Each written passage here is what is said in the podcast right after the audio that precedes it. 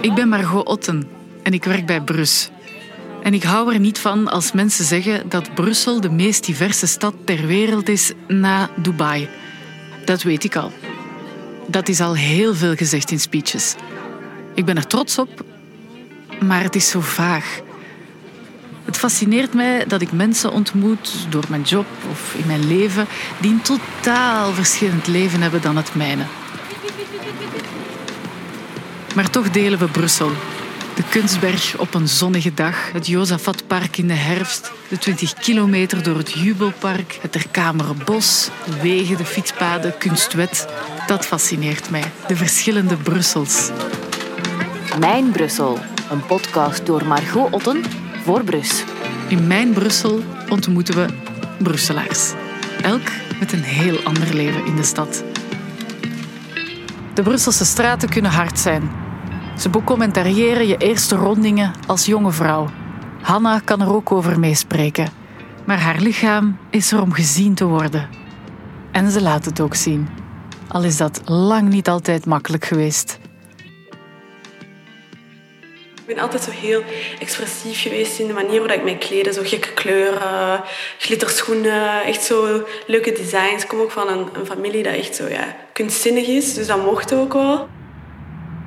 Ik denk dat dat... ehm, denk dat elke vrouw, elk meisje eigenlijk, laten we eerder zeggen, dat wel dat heeft ondervonden dat er op een bepaalde leeftijd gaan mannen anders naar u kijken.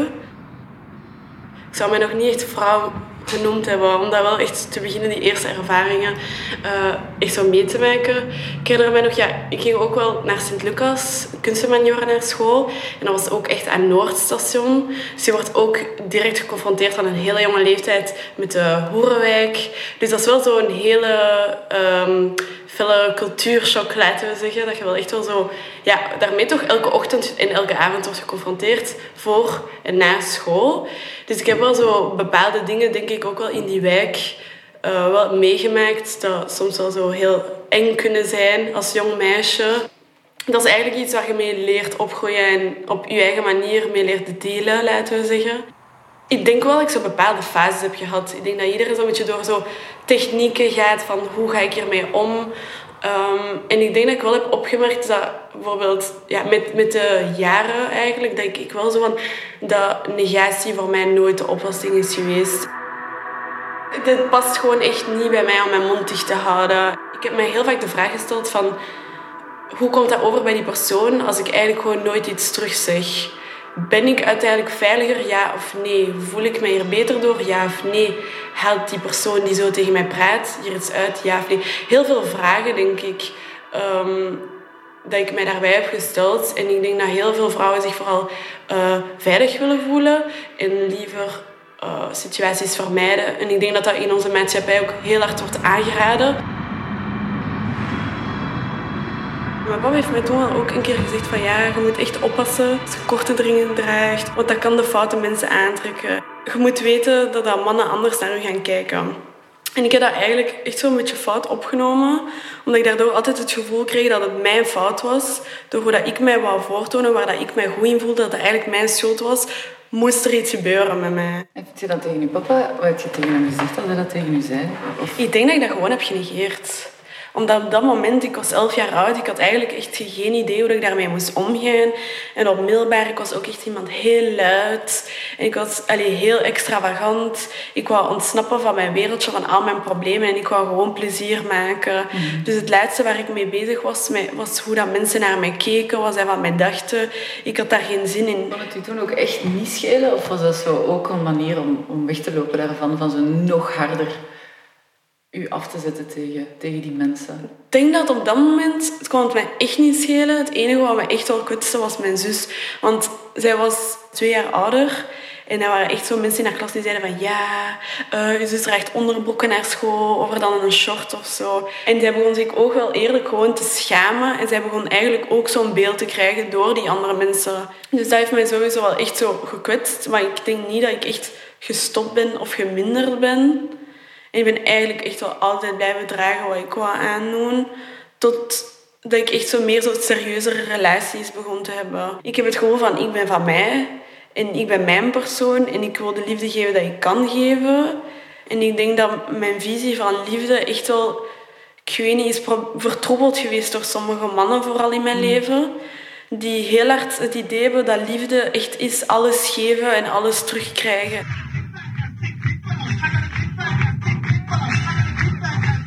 In, het begin, hij heeft mij leren kennen, ik, ik heb altijd zo meer zo, ja, zo excentrieke foto's. En je ziet wel echt mijn lichaam. En bikinifoto's op vakantie. Alleen zo op stories en zo. Ik heb ook graag echt fun met mijn vrienden. En voor mij is dat gewoon zo van... This is my body, I don't give a shit. Hij keek naar mij en hij zei, ga je dat aandoen? Op een bepaalde dag vond ik het echt heel overdreven. Toen ik ooit naar school ging, ging ik naar mijn werk en zei altijd van ja, ik wil dat je zo kleedt, ik vind u mooi zo, maar je moet gewoon weten hoe dat mannen naar u kijken. Ik ben echt, ik had een, een soort van jeansbroek, uh, strakke jeansbroek. Het was echt een warme dag. En ik had dat aangedaan, maar je moet gewoon weten hoe dat mannen naar u kijken. Hij zei altijd van ja, ik wil dat je zo kleedt, ik vind u mooi zo, maar je moet gewoon weten hoe dat mannen naar u kijken.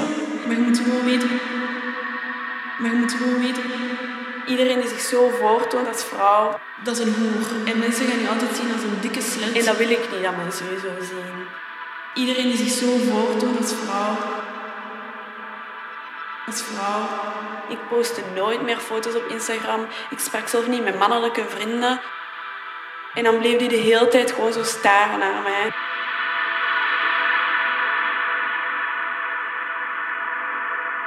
Dat is echt hoe ik dan ook zelf begon te obsessief, zo echt obsessief naar mensen hun ogen, mensen hun reacties, hoe dat mensen tegen mij deden. En dat is waar mijn zelfbeeld is beginnen veranderen. Dat ik onzeker werd en dat ik me niet meer goed voelde. En wanneer is dat dan gestopt? Wanneer het echt agressief werd. En dat is wel het moment dat ik gewoon echt mijn spullen heb gepakt. Dat ik letterlijk zonder niks... Ik heb gewoon eigenlijk mijn waardevolle dingen meegenomen. Toen was het gedaan voor mij. Mij ergens echt veilig voelen was voor mij dat was niet ergens wonen in een kamer hebben of een appartement of whatever. Gewoon echt home. I'm home and I feel safe. Dat was heel moeilijk. En daarna groeien en daarna werken en deze plek nu vinden, dat was het belangrijkste voor mij. Want ik heb mij zo lang onveilig gevoeld. En ik denk dat ik gewoon bezig was met mezelf. Ik heb heel lang mijn zelfbeeld, hoe dat ik als persoon wou zijn, waar ik aan wou werken, de mensen die ik toeliet in mijn leven. En ik denk wanneer dat, dat beter ging, dat ik pas ben begin kunnen nadenken over hoe dat ik die dingen heb meegemaakt.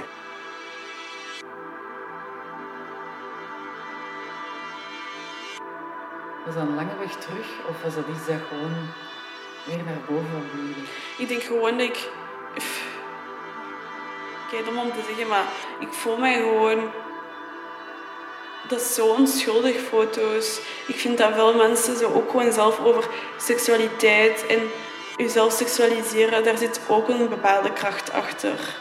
En dat is ook een bepaalde fuck you, want ik kies ervoor om mijzelf te seksualiseren en dat is voor mij zeer empower. dat geeft mij kracht. Wij zijn niemand om iemand anders af te nemen.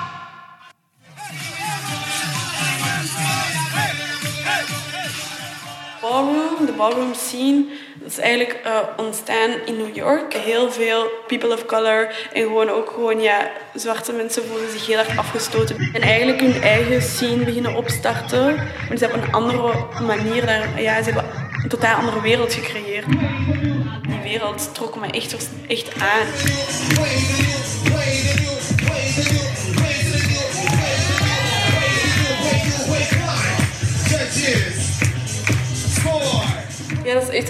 Wij noemen dat bals. En dat is eigenlijk, als ik het heel simpel ga zeggen, is dat een, wedstrijd waar je prijzen kan winnen binnen bepaalde categorieën. Uh, en die categorieën zijn blijven groeien met de jaren. Ik loop eigenlijk, walk, dat zou we eigenlijk zeggen, loop. Dus dat is eigenlijk dat ik deelneem aan binnen die categorie en de categorie body. Dat is eigenlijk, je hebt je tens en dat is wanneer je eigenlijk je gaat oplopen alleen en dat je jezelf moet bewijzen. En als iedereen, het hele jury, je tensie heeft, dus tien, dan mocht je door. En dan mocht je eigenlijk beginnen bettelen. En dan gaat je eigenlijk tegenover iemand anders gaan bettelen. En je, totdat je eigenlijk tot het einde komt. En wie als laatste overblijft, heeft de categorie van de avond gewonnen. Kleding is ja, uw effect, gaan we zeggen. Dat is uw, look. Dat, maakt, dat is eigenlijk wat je gaat creëren. En binnen Ballroom heb je zoveel creatieve mensen die heel vaak zelf hun looks creëren. Dus een effect kan alles zijn. Je kunt met meerdere mensen eigenlijk gaan samenwerken om een bepaalde constructie te bouwen. Uh, je kunt je, je eigen outfit helemaal gaan samenstellen. En soms is het ook verplicht dat je het zelf maakt. Um, maar dan spreken we over, over een algemene term over de, de hele look van wat je eigenlijk gaat presenteren. De hele ervaring die je gaat creëren eigenlijk voor jezelf op dat moment wanneer je uh, deelneemt aan de wedstrijd. Echt.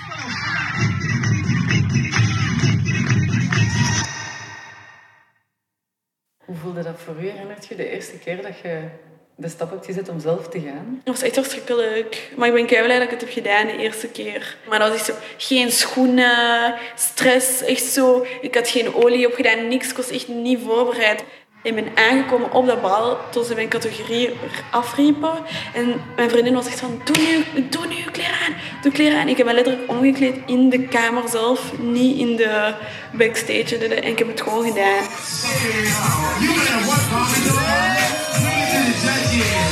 Het was toen um, dat het in het thema van chocolade en de kleur van je lichaam. Dus dat was gewoon zo heel, heel simpel. Gewoon nude, ondergoed. Zo, maar iedereen kan dat doen. Want jezelf daar gewoon zo voor zoveel mensen eigenlijk zo... Je, maakt jezelf, je stelt jezelf zwart bloot eigenlijk om mensen om eigenlijk vrijwillig je te laten beoordelen door andere mensen. En dan niet zomaar mensen, maar echt mensen waar je keihard naar opkijkt. Hoe voelt het als je daar, als je zo die soort van runway loopt en je show, je performance doet? Een paar minuten is gewoon even gewoon zo aan niks denken. Zo hard op naar de mensen die deze scene hebben opgebouwd. En dan vond ik echt wel heel mooi dat ik werd toegeleid tot een wereld waar ik de gast kon zijn. Ja, dat ik gewoon mij daar thuis kan voelen en dat ik die plek heb gekregen. Want ik zelf ben een witte vrouw. Daarom dat ik ook vind dat dit niet mijn verhaal is om echt te vertellen wat ballroom is.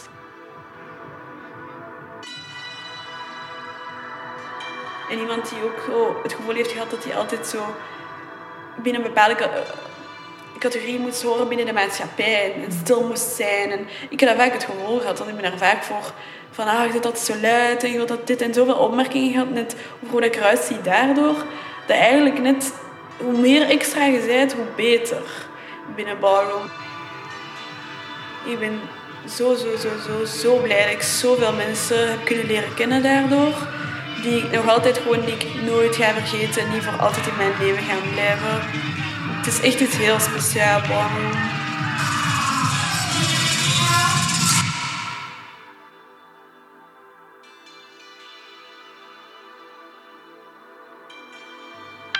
Volgende week in Mijn Brussel. Marie-José. De vrouw van bijna 100 jaar oud, die al meer dan 75 jaar gaten stopt aan de Kapellenkerk.